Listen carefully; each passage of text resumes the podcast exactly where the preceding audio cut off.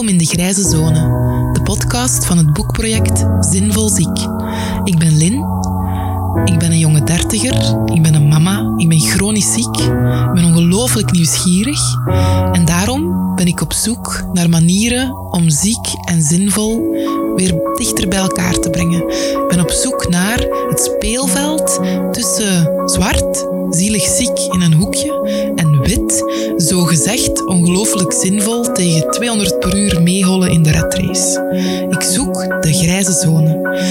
En om alle vragen die ik heb te beantwoorden, ga ik in dialoog met heel uiteenlopende stemmen uit ons sociaal weefsel. Wie precies? Daarvoor moet je hier maar regelmatig eens komen luisteren. Dat ga ik nog niet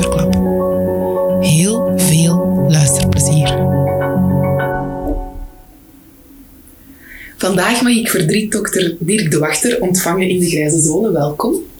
Uh, vooraleer we in de vragen duiken, doe ik altijd een klein experiment met de podcastgasten. Namelijk, wat zijn de eerste drie woorden die in u opkomen bij het begrip ziek? Ik word er stil van. Uh, wel, stilte. Ik zal het dan zo ineens verwoorden. Stilte.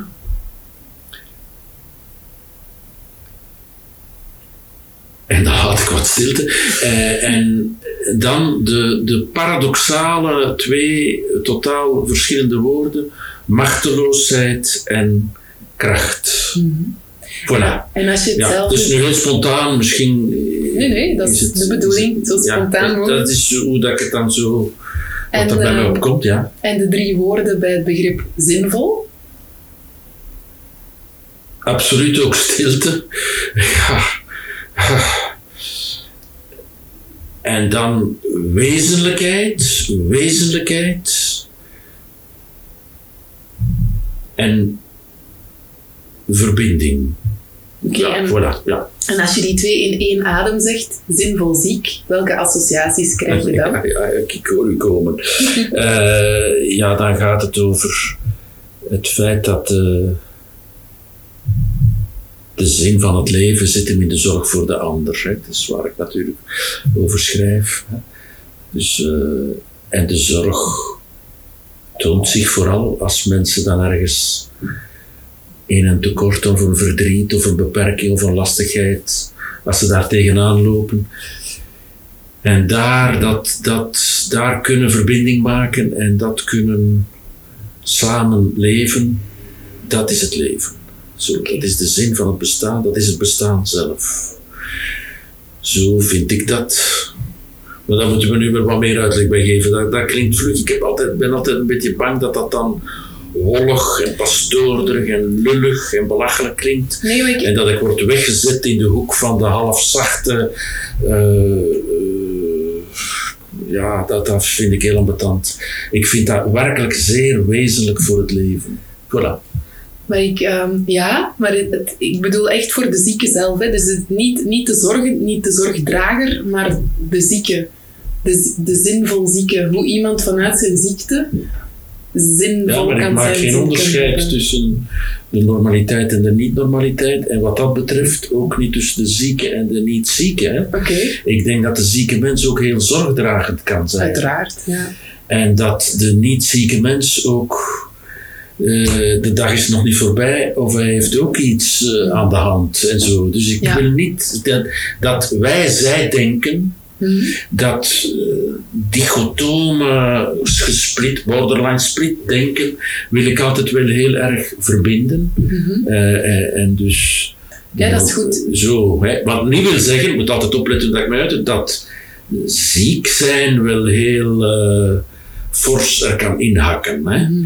Dat, het is geen ontkenning van, eh, van die problematiek. Maar tot mijn groot genoegen, ik heb dat boek Borderline Times geschreven, ik had een beetje bang dat de patiënten, zal ik maar zeggen, hè, de mensen met een diagnose, dat die zouden zeggen, zeg, wat zeg jij hier allemaal? Eh, wij, wij mankeren wellicht iets, wij zijn ziek. Dat is nooit gebeurd. Hè. De, de protesten op dat boek kwamen van de zogenaamde eh, succesvolle, niet kwetsbaren, zogenaamd. Hè, die zeggen van, wat zit er te zagen? eh, De wereld is fantastisch, de restaurants zitten vol, alles is goed. Houd uw mond met uw problemen. Zo, dat, de, protest komt van die hoek en dat, dat kan ik goed dragen. Oké. Protest kwam nooit vanuit de kwetsbaren. Oké. Ja, ik begon eh 2020 bijna letterlijk met het lezen van uw duet met Paul Verhagen in de Humo. Hè. Waarvoor dank. Ehm, en de prachtige metafoor van de speedboot Tina, die is blijven hangen. Zou je die nog eens kunnen delen voor de luisteraar? Ja, ja, natuurlijk. Het is al wel langer dat ik daarover nadenk. Is een metafoor voor de maatschappij. Zie ik de wereld, onze maatschappij, als een speedboot eh, over de oceanen. Die tegen grote snelheid en steeds grotere snelheid, de economie moet groeien. Hè, we moeten vooruit. Hè, de obsessie van, van snelheid en, vo- en, en vooruitgang, vooruitgang. En vooraan op de speedboot, eh, stel ik me dan voor, staan de blitse succesboys. Het zijn meestal boys ook. Ze zijn weliswaar omringd. Ik vertel maar, ik hoop dat u. Nee, nee, Door langbenige blondines, zeg ik dan altijd. Hè, die eh, cocktails drinken. En daar staan ze dan, genietend van de snelheid en de zon. En dan zeg ik, wauw, wat is fantastisch. En achteraan de boot, dus van voor is de boot zo spits en achteraan eh, is, is die veel groter. hè. Daar proberen mensen zich staande te houden. En zij vallen regelmatig van de boot, want de snelheid is te groot en, en, en de zee is woelig. En daardoor eh, ja, kunnen ze het soms niet houden. En meer en meer mensen vallen uit de boot, omdat de reling ook wankel is Of weg. of weg is. Er zijn gaten in de reling. De reling van de sociale zekerheid, noem maar op. De reling van de bescherming, van het elkaar vasthouden. Hè? En ze vallen uit, uit de boot in het water. En dan zijn er, het is een beetje een sprookje natuurlijk, Tuurlijk. psychiaters die dan met de, met de reddingsbootjes, met van die rubberen bootjes rondrijden en die de mensen uit het water halen en afdrogen en een voedselpakket geven en zeggen, kom aan, eh, hier, hier zijn we een beetje samen. En eh, voilà, dat is de psychiatrie. Maar er zijn meer en meer mensen vallen uit de boot. Ik kan het niet trekken. Mijn rubberbootje raakt vol. En de overheid zegt van, ja maar kijk, er zijn te veel rubberboten, dat kost ons veel te veel. Die rubberboten. En ze zeggen, ja maar laten we eh, een beetje bezuinigen. Want het kost te veel. Hè. We gaan de rubberboten vervangen door zwemvesten. Dat is ook oké. We zijn menselijk, we laten de mensen niet verdrinken. En de zee is niet zo koud. Het valt mee, zegt de overheid. Het is een sprookje. Nee, neem mij niet kwalijk dat het soms wat kort door de bocht is. En eh, we zullen voedselpakketten geven. En, en dan kun je met de zwemvesten wel Uw plan trekken. je plan trekken Ja. en niet, niet verdrinken. En we gaan cursussen geven zwemmen ook. Maar ondertussen is de boot veel verder. Hè? Want ik zelfs met mijn kleine bootje, een rubberbootje, ik kan bijna niet volgen. Die boot gaat altijd sneller. En mijn klein motorke van mijn rubberboot kan niet volgen. Dus ik denk, waarom denken we niet na over de centrale boot? We moeten niet zozeer, ook, maar we moeten niet zozeer nadenken over de rubberboten en de zwemvesten. We moeten ook nadenken over de snelheid van de boot, over de reling en, in de eerste plaats, over elkaar vasthouden. Als we elkaar vasthouden, vallen we niet uit de boot. Maar de Britse jongens vooraan, die zeggen vasthouden. No, no, no way. Wij zijn fantastisch van voor. En ze kijken naar de horizon vooraan en ze kijken niet wat er van achter gebeurt. Dus ik, psychiater, ik wil eigenlijk graag met de kapitein spreken. En hoe, eh, hoe zou jij de vertraging invullen? Ja, dat weet ik natuurlijk niet. Hier pakte mij natuurlijk op een heel zwak punt. Ik ben geen politicus, ik ben geen econoom. Maar ik zie dat er wereldwijd ook politici en economen en heel verstandige mensen, veel slimmer dan ik, nadenken over maatschappijmodellen. En we, we zitten denk ik in een wereld die daar moet over nadenken. Ook ecologisch, maar ook samenlevend, sociaal.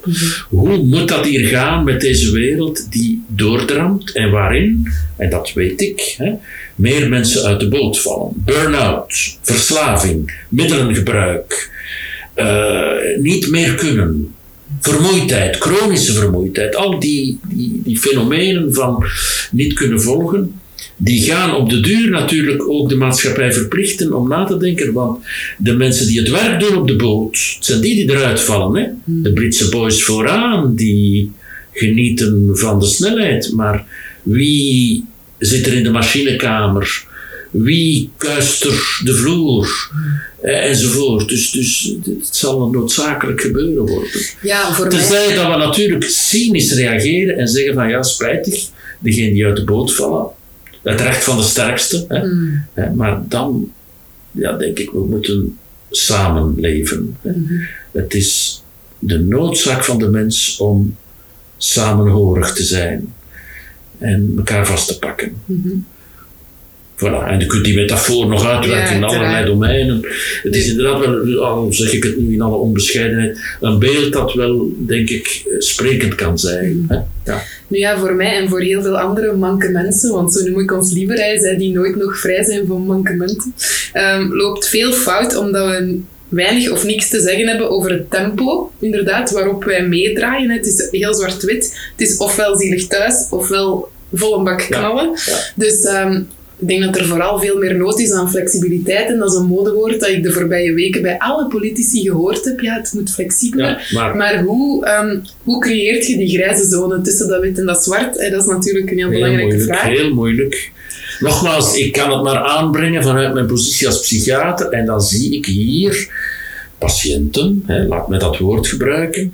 Hè, ik ben psychiater, dus hè, vanuit mijn, die eigenlijk stilletjes aan beter zijn en uit het dal zijn gekropen en terug, terug eigenlijk in staat zijn om zich een zinvolle plaats in het sociale weefsel te maken, namelijk met activiteiten. Maar in de harde wereld van het werk, daar zijn ze te kwetsbaar voor. Maar er is blijkbaar een soort dichotomie, ofwel kun je het harde werktempo met alle druk aan, ofwel niet. hè. En dan moet ik, psychiater, mensen ziek schrijven, anders hebben ze geen inkomen. Nee. Dus ik zeg dan aan de adviserend geneesheer, deze mens is nog heel ziek, het gaat echt niet. Anders hebben ze geen inkomen. Eh, dus heb ik eens een keer gepleit, daar heb ik veel tegenwind gekregen, voor een basisinkomen. Als een van die mogelijkheden om ja, overleven en werk een beetje los te koppelen. Hè. Eh, Omdat ik ook eh, heel veel sympathie heb voor Philippe van Parijs, eh, de wereldbekende filosoof die daarvoor pleiten. En ik weet, pas op, ik ben ook geen, zoals gezegd, geen econoom, dus ik weet dat het ook allemaal niet zo simpel is. Maar dus op een of andere manier mensen in het sociale weefsel houden, ook als zij niet de rat race productiviteit kunnen waarmaken. En ik ben voorzichtig met het begrip flexijobs, want dat heeft vaak een bijzonder contrasociale, eh, nee, maar toch een, een, een werkomgeving die, die inclusief is. Ook zo'n woord dat bezoedeld is, maar Ja. alle woorden zijn bezoedeld. Hè? En is- vlug cynisch geïnterpreteerd. Maar hoe kunnen we een mens die zegt van ik, ik ben beter, maar ik moet wat rustig aan doen. Hoe kunnen we die een volwaardig, dat is echt heel belangrijk, respectvol, volwaardige positie geven met een menselijk inkomen. En uit het stigma van ja, maar jij, ja, ja oké, we zullen nu hier aan de, aan de rand van de boot een klein bureau geven zo. En daar kun jij dan eh, een beetje doen. Ja, doe maar. Hè. Dus, eh, en we zijn vriendelijk, neerbuigend. Och, garme toch, maar, ja, maar och, garme toch. Ah, wel, maar zet u maar hier, manneke. Hè. Ja. En dan kun jij ook iets doen. Zeg. Allee, zie je zo goed dat we zijn. Degoutant is dat, hè? Ja, dat vind ik Dus ook. hoe kunnen we waardigheid creëren? Respect. Mensen in hun waarde zetten. Mhm. Respecteren voor wat zij kunnen. Maar, enfin, ja. Kijk. Ja, ik zie persoonlijk, ik zie mijn invaliditeitsuitkering ook als een basisinkomen hoor. Want ik combineer dat, en ik ben een beetje een rare, ik combineer dat met ondernemerschap, hè, deeltijds. Ja, ja, ja. Ehm, Oké, maar dus bent het- natuurlijk Dus ook... het kan. Ja, ja, dat is goed, maar eh, niet iedereen kan dat. Maar dat is ook niet om een nieuwe lat te leggen, maar ik bedoel maar, er is wel, er is wel een grijze zone. Het is gewoon nog niet toegankelijk Ja, ja, ja. genoeg voor en mensen. invaliditeit is dan toch ook een stigma en een statuut waar ik van denk van ja, kunnen we dat ook zonder invaliditeit? Ja, dat, ja, inderdaad. Want natuurlijk, enfin, ik moet mij niet bemoeien met uw persoonlijke zaak. Maar, dus dat is juist het probleem dat in mijn vak als psychiater mensen dan die invaliditeit moeten aannemen, Hmm. terwijl ze eigenlijk best goed zijn. Maar de zware druk die soms op hen gelegd wordt, niet aankunnen. Waar dat je kunt afvragen, en nu ben ik heel provocerend, dat is om te doen nadenken, wie zijn eigenlijk de invaliden? Zijn dat zij die zeggen, oh, oh, dat is hier wat te veel? Of zijn dat zij die zeggen, yes, we can, ik sta vooraan op de boot, ik kan het allemaal aan? Wat is er normaal? Hè? Dus ik draai dat dan graag om. Niet om cynisch te zijn, maar om te doen nadenken. Hè? Is het normaal dat men ja, in, in die overflexibele, hyperdrukke managementcultuur blijft meedraaien en nog en nog en meer? Is dat dan normaal? Waar ligt die grens? Wat is normaliteit? Hè? Is het niet normaal dat men. eh, als men kijkt naar, de, naar het werkschema van sommige zorgkundigen in de bejaardenzorg, die zoveel minuten krijgen om te wassen, die amper tijd krijgen om te spreken, is dat normaal? Nee. Dus ik draai het graag om. Hè? En ik ben ook niet naïef, ik zie ook wel dat die, dat die sector eh, het financieel heel moeilijk heeft en dat de budgetten beperkt zijn. Ik wil er allemaal rekening mee houden. Hè? Maar ik wil toch die begrip normaliteit eens een keer goed op de kaart zetten. Hè? Is het normaal dat men zoveel uren na elkaar aan de band kan presteren, dat men eh, in shiften elke week een ander uurschema heeft eh, met dag en nachten en dan op den duur zijn slaapsysteem helemaal niet meer aan kan. Is dat normaal? Allee, ik wil die normaliteit toch langs alle kanten bekijken. Voilà. Oké. Nu, in uw boek De kunst van het ongelukkig zijn staat een mooie oproep. Hè? Altijd opnieuw zeg ik tegen mijn assistenten, luister vooral en in de eerste plaats goed naar de patiënten. Ze zijn de kanaries in de kolenmijn. Ja. Ehm, dus hoe kijk jij naar eh, patiëntenparticipatie in de bredere gezondheidszorg? Ja, die, die- ik denk, als het gaat over ziekte, luister dan naar de zieken. Hè. Dat is nu wel, ik moet zeggen, dat is, enfin, ik kan maar spreken over de psychiatrie, echt wel de laatste jaren erg veranderd. Hè.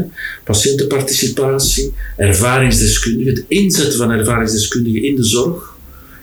Dat moet nog verder ontwikkeld worden, maar dat is wel bezig, ik denk irreversibel. Daar ben ik optimistisch over. Hè? Dus dat zowel in de, eh, de basiszorg, maar ook in het beleid, ook in raden van bestuur, in, in, in, in het beleid op, op eh, politiek niveau, hoe essentieel en goed geluisterd wordt dat is de stem van de gebruiker.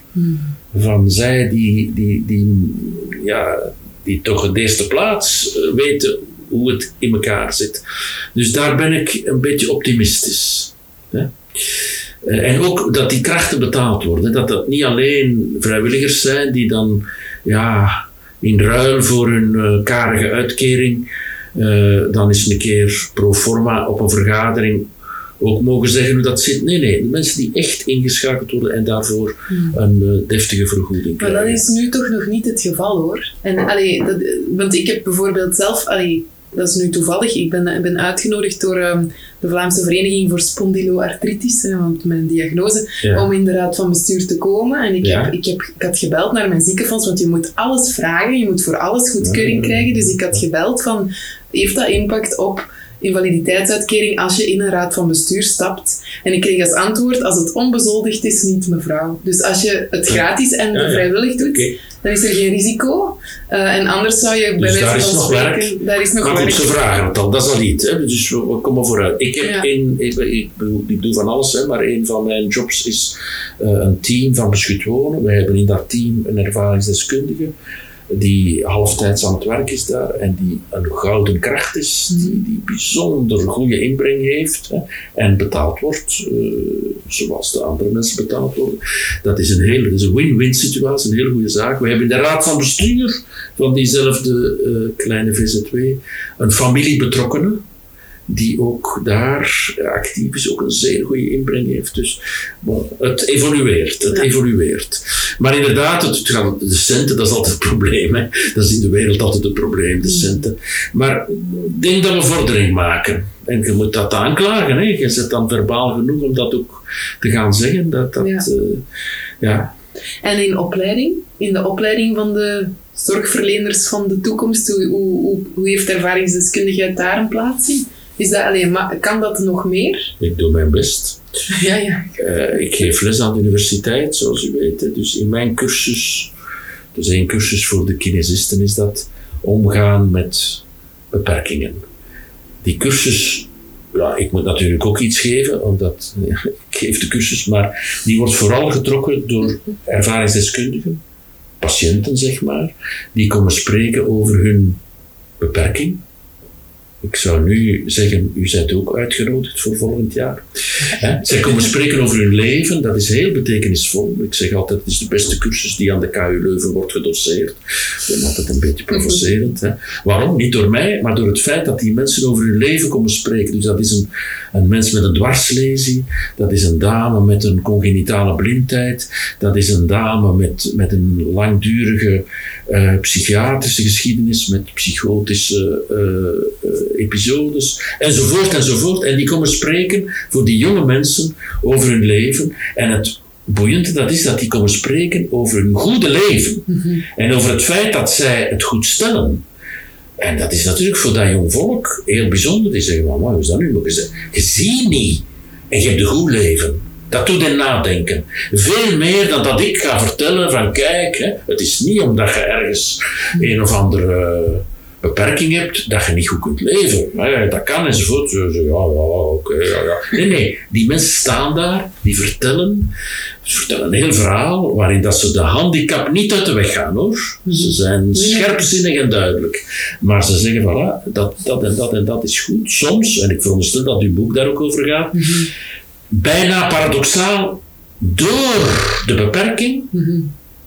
En ik pleit niet voor beperkingen aan zich, hè, maar als ze daar zijn, kunnen ze soms de toegang verlenen tot een nog zinvoller, Ja, nog bewuster, nog meer geëngageerd bestaan. Ja, voilà, dat is raar, hè. Dus, dus kijk, ik doe mijn best alvast eh, Ja, maar- mijn klein steentje bij te dragen. Breder. Maar in het algemeen mag er daar nog veel meer aandacht voor zijn. Ik heb er vorige week nog voor gepleit, eh, ik, bij het 50-jarig bestaan van de studenten, eh, de, de, de, de, de dienst voor psychologische bijstand van studenten, dat er nog meer nadruk mag zijn op inclusie. En dan gaat het trouwens niet alleen over beperking, maar het gaat ook over het multiculturele.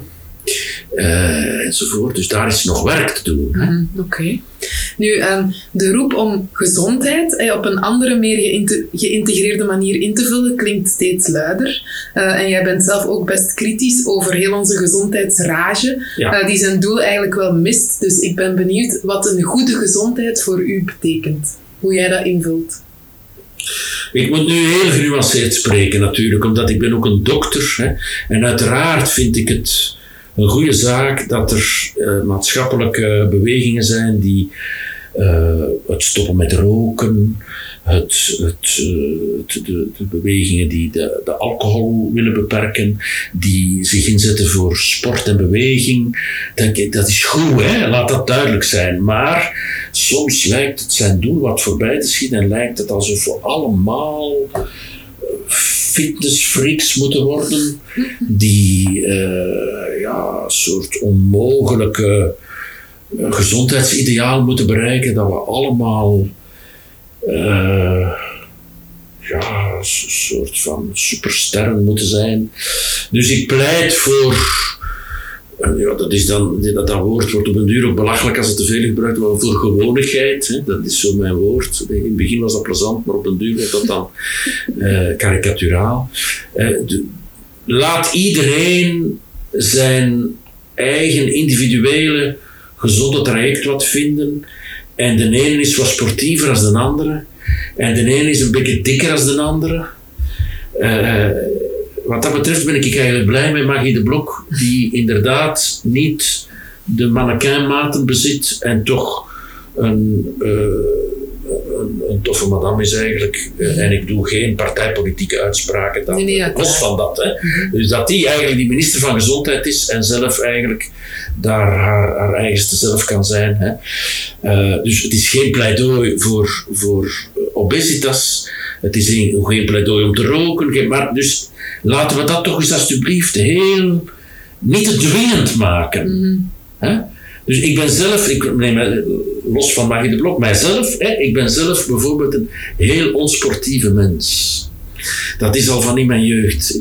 En ik heb mijn best wat gedaan in de turnles. Om, hè, en ik, dat was mijn slechtste vak.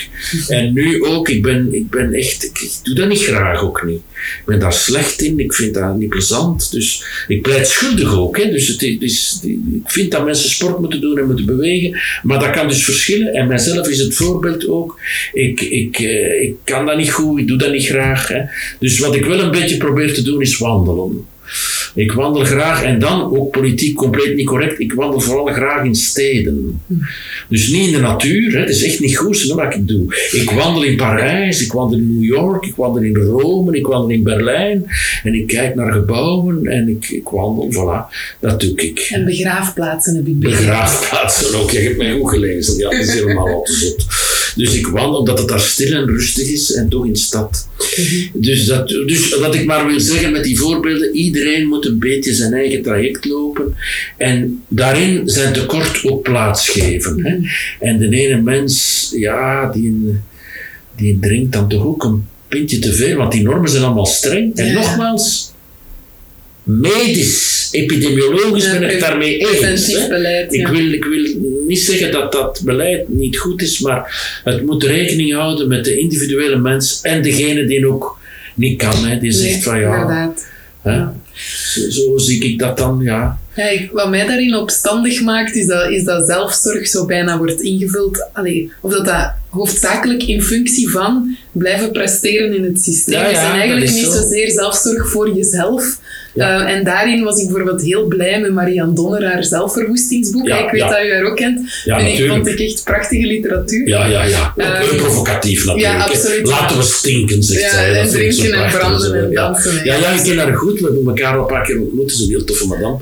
Ja, ze gaat er fors tegenaan. Ja, ik vind het, eh, ja, ik vond het ook echt heel fijn. Ja, eh, absoluut, absoluut. Dus alle sympathieën. Maar ik moet natuurlijk als dokter ook. Ja, je hebt daar een soort maatschappelijke verantwoordelijke maatschappelijke positie, dus ik moet daar dan wat voorzichtiger in spreken. Uiteraard. Dat vind ik ook een soort ethische plicht als arts. Hè. Mm. Dat ik zeg van ja, maar ja, we moeten inderdaad opletten dat we niet te veel drinken en roken. Stinken, dat mag nog. En dansen Ik ook heb- hopelijk. En dansen, en dansen moet, ja, ja, dat is zeker.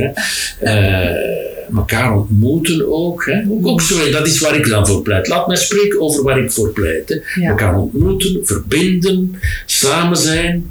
En er zijn mensen die zich heel goed voelen alleen, op hun eigen. hè. Dus dat moet ik ook respecteren. Want ik krijg dan dikwijls ook wel mails, want ik krijg heel veel mails van mensen die zeggen, en jij altijd met je verbinding, maar ik ga niet graag buiten en ik voel mij goed alleen. En dan zeg ik altijd, maar dat is oké. Maar in het algemeen denk ik dat verbinding voor mensen heel belangrijk is. Maar heel individueel luister ik naar uw verhaal en zeg ik van oké, jij zit alleen en op je eigen, je voelt je daar goed bij. Let toch op, want helemaal, helemaal, helemaal alleen, dat is misschien toch ook ambetant. Hè? Dus als psychiater zit ik altijd in dat individuele niveau, hier in mijn consultatie, waar u zit, hè, waar, ik, waar ik dus met mensen spreek, hoe is uw leven en wat kun jij nu doen?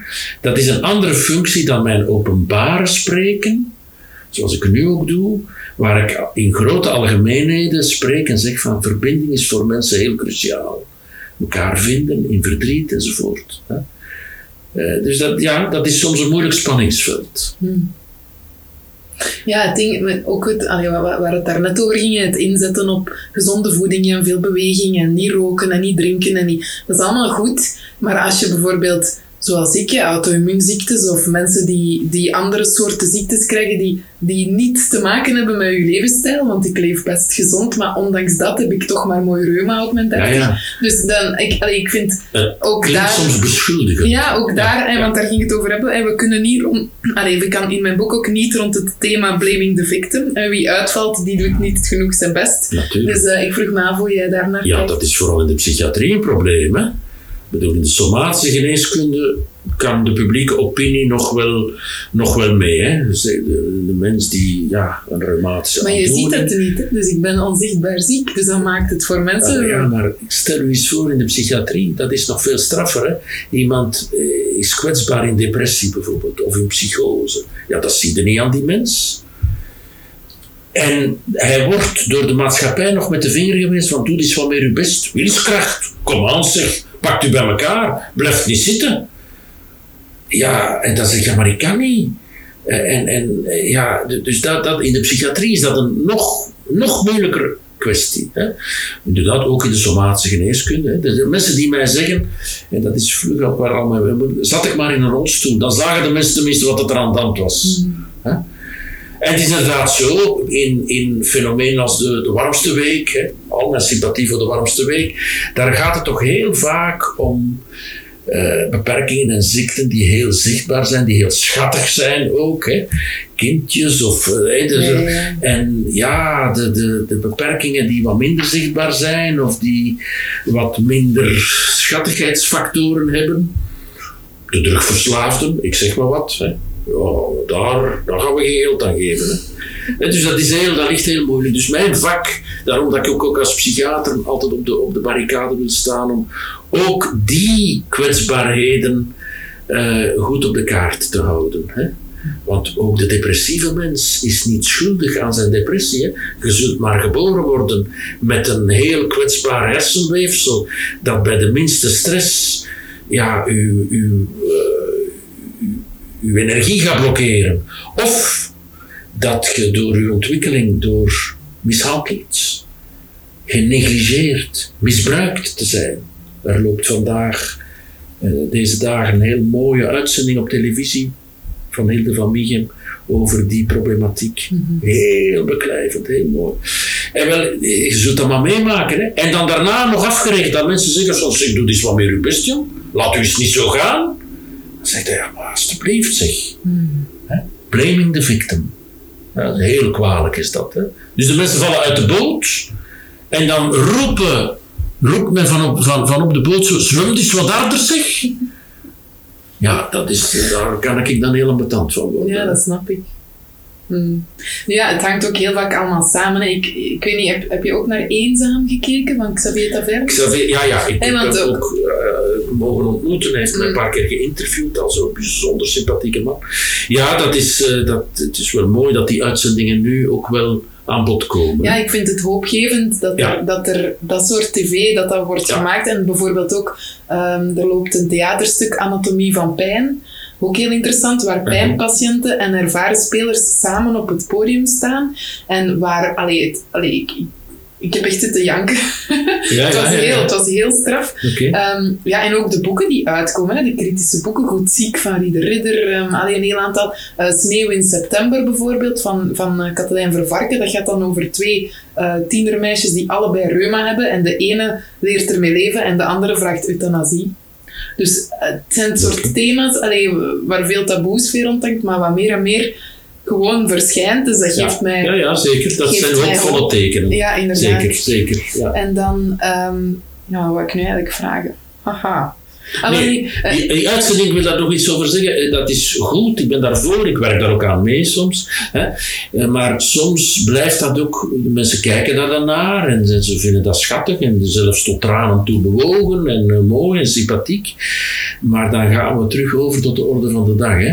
En uw buurman met zijn beperking, die blijft dan wel in de kou staan. Soms, hè, het moet, we moeten het kunnen over, eh, over de tijdelijke amusementswaarde kunnen. Ja, ja, tillen. Want de, de emo-cultuur, hè, Hmm. die, die is soms afgesplitst van het ware leven. Enfin, dat is weer een beetje het- kritiek. Hè, dus we, dat, we moeten blijvend aan de kaart trekken. Hoor. Maar het wakkert enga- engagement wel aan, Ja. want ik heb, allee, ik bedoel, ik heb met Xavier Taverne, ik heb ook een podcast met hem gemaakt Ah, ja. over eenzaam. Goed. En daarin zei hij ehm, dat er echt mails binnenkwamen van, jong, van geëngageerde jongeren die zeiden van ah, ik heb, ik heb het programma gezien en die ene mevrouw die daar helemaal alleen in haar appartementje woont, wij willen daar een kebab mee gaan eten. En die Ja. altijd Oké, dus prima. er ontstaan echt prachtige... Ja, ja, ja, allee, dus dat vind ik wel leuk. En, en oké, dat is een beetje zoals de druppel in het water, als die kring dan altijd maar wat groter wordt. Allee, dus ik probeer daar dan wel in te geloven dat dat... Ja, maar dat anders dat zat ik hier niet. Hè. Nee, voilà, inderdaad. Dat denk ik Ehm, eh,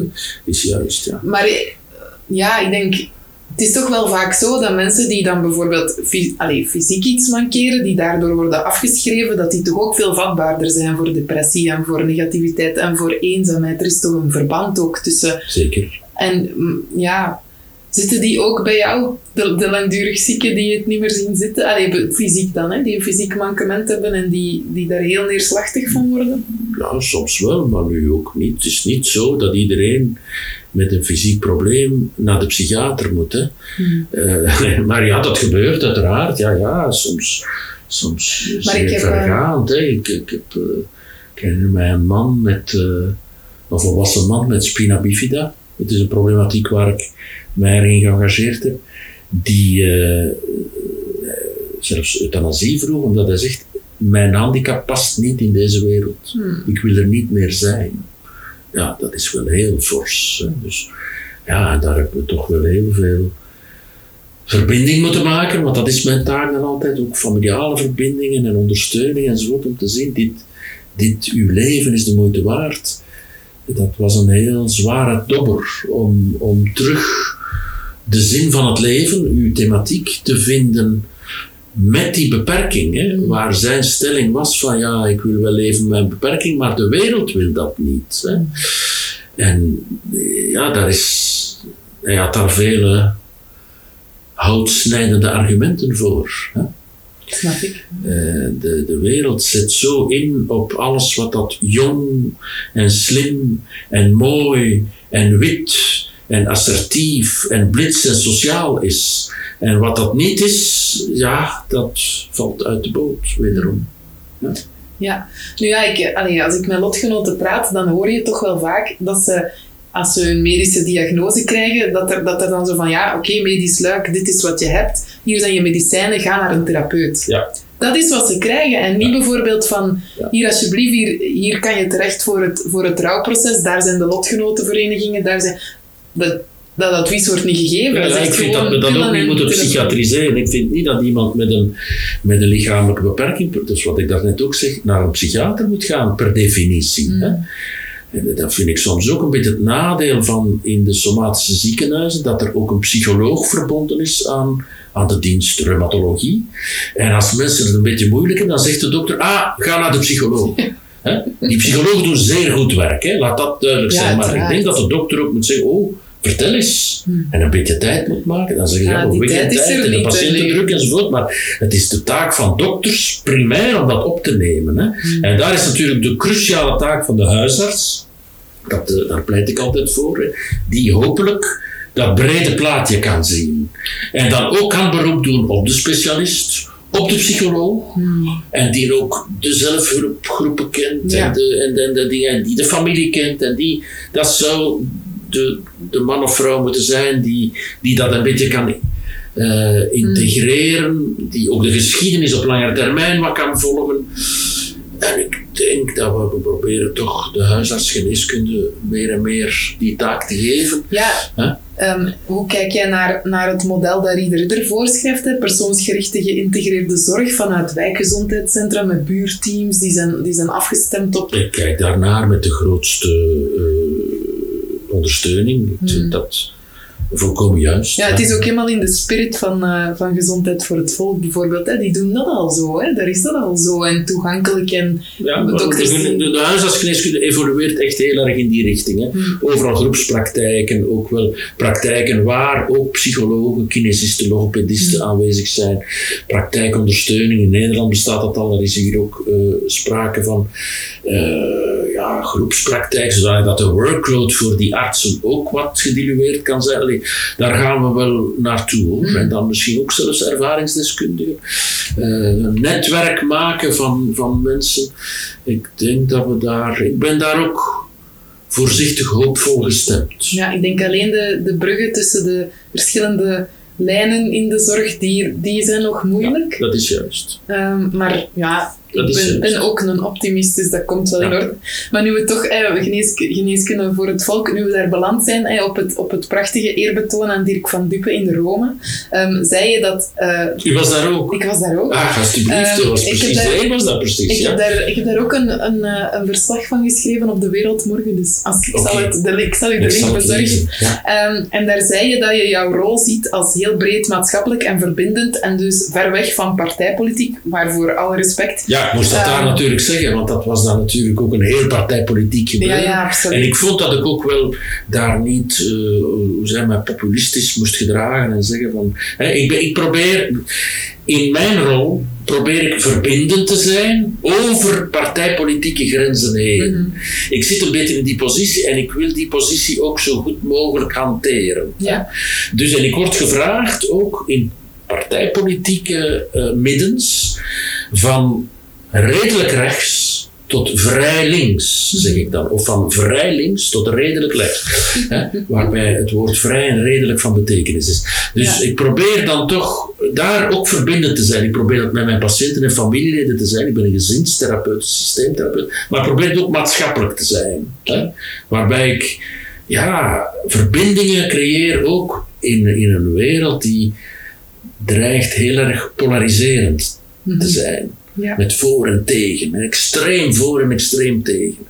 Dus zo zie ik mijn positie. Inderdaad een beetje anders dan, dan Dirk van Duppe, zoals ik gezegd heb, eh, waar ik het grootste respect voor heb. Maar die zit wel in een heel duidelijke politieke stroming. Ja. Ja, voilà. Ja, ieder zijn, zijn lot Ja, uiteraard, maar, maar stel Ja. ehm, dat je een toverstok zou krijgen met net genoeg magie om eh, van vandaag op morgen drie dingen te veranderen aan ons systeem. Wat zou je doen? Dat overvalt me nu wel. Eh, ik geloof niet in toverstokken, dus... dus Nee, nee, maar ja, daarom is Maar het... ja, ja, ja, dat natuurlijk. Ja, ja, ja, wat, ja, ik zou het budget voor de geestelijke gezondheidszorg eh, fors optrekken. Ik zou de opleiding geneeskunde veel meer communicatie, psychologie, sociologie, filosofie introduceren. Dat zou ik zeker ook doen. Hmm. En ik zou ja, de huisartsgeneeskunde centraal maken. En dat ook naar budgetten en naar. Dat is, het is een probleem dat de topdokters, de super gespecialiseerde geneeskunde, eh, ja, te veel worden, ook door de bevolking worden gezien als dat is de absolute top. Dat is eigenlijk de, dat is de ultieme geneeskunde. Ook binnen de faculteit geneeskunde is het een probleem. En ik heb het grootste respect voor die mensen, hè, laat dat duidelijk zijn. En als ik morgen half doodval en ik heb een, een specialist nodig voor mijn hart, dan hoop ik dat dat een van die topmensen is. Hè, en dat ik dan, maar het centraal in de geneeskunde moet de huisartsgeneeskunde staan. Met netwerken van zorg. Hè. En nu ligt de nadruk veel te veel op die derde lijns zorg, die soms zijn doel voorbij schiet. En die ook met massaal veel budget gaat lopen. Ja. Dat is heel moeilijk hoor, dus ik, ik zeg dat nu wel, maar dat is een heel moeilijk. Maar hoe kunnen we de mens centraal houden? En ik denk dat de huisartsgeneeskunde daar de beste vorm voor heeft. Oké. Ja. Dan heb ik nog een laatste vraagje. Mooi, Ehm, je blijft zelf binnen uw tijd. Dat ja, is prachtig, ja. dat maak ik bijna nooit mee. Ja. Ehm, wat zijn voor jou de gouden randjes aan verlies? Dus zowel van een dierbaar, maar ook verlies van gezondheid. Hè. Waar is de collateral beauty voor jou? ja, dat zit in de verbinding. Hè. Allee, laat mij, de, het, is een extreem voorbeeld, maar wat er gebeurt met mijn vroege jaargenoot Dirk van Duppe is een soort wonder. Hè. Die man die altijd heel zijn leven actief geweest is en bezig en, en met hart en ziel. eh, en die ja, nooit veel op de voorgrond kwam, integendeel, een beetje op de achtergrond geduwd is als vuile communist. Ik gebruik speciaal dat woord, hij weet dat wel. En nu dat hij stervende is, in alle media als een heilige mens wordt opgevoerd.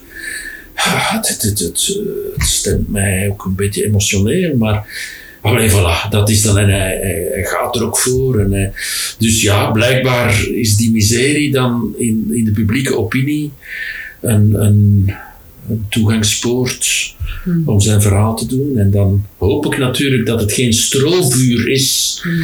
dat met hem zal verdwijnen. Maar ik denk het niet, ik hoop het niet. Ik hoop dat er een blijvende eh, zaadje is. En ik bedoel dat dus niet partijpolitiek. Nee. Ja, misschien wel, maar ik niet. Maar iets medemenselijk, iets geëngageerd. Dat dat blijft. En ik denk dat ook wel. Ik, ben, ik wil daar ook hoopvol in zijn. Dat, dat die, die samenwerking, die, die, dat engagement, die verbinding, dat zijn signaal daar ook met zijn miserie, dat die daar eh, kan blijven. Hmm. Ja, ik vond uw woordspelletje heel mooi. Hè? We moeten uit onze dupe kijken. Ja, ik ben altijd in woordspelletjes. Ik dacht, zou ik nu durven zeggen? Ja, het was mooi. Ik heb het zelfs, ik heb het zelfs in de titel van het, van het Ah, ja. verslag gebruikt, omdat Ja. ik het heel erg... Waar- waar- waarom doe ik dat? Omdat dat soort zaken, merk ik, wordt nogal opgemerkt en blijft dan zo hangen. Hij kan dus in de slipstream van dat woordspelletje, hè, dat op zichzelf niks betekent, een stukje betekenis meenemen. Hè. Ik merk dat in mijn schrijven, daar doe ik dat soort dingen al eens. Ik moet opletten dat ik dat niet te veel doe, want dan wordt dat ook weer een loze. Maar dan, hè, dan, dan blijft dat hangen. Mensen nemen dat dan mee, hè, dat soort nieuwe woorden. Zo. Ja, Dus maar laten we maar goed uit onze duppen kijken. Inderdaad. En ehm, afsluitend heb jij nog een persoonlijke boodschap aan de manke mensen? Iets dat je nog wil zeggen? Ja, spreek. Spreek. Hè. Ik zeg aan de wereld dat ze moeten luisteren, maar spreek. Kom uit de duisternis. Eh, en spreek met geheven hoofd. Niet met een compassieuze slachtofferpositie, maar met geheven hoofd. Vanuit fierheid, vanuit, vanuit sterkte. Jazeker. Oké, dank je wel. voor Alsjeblieft.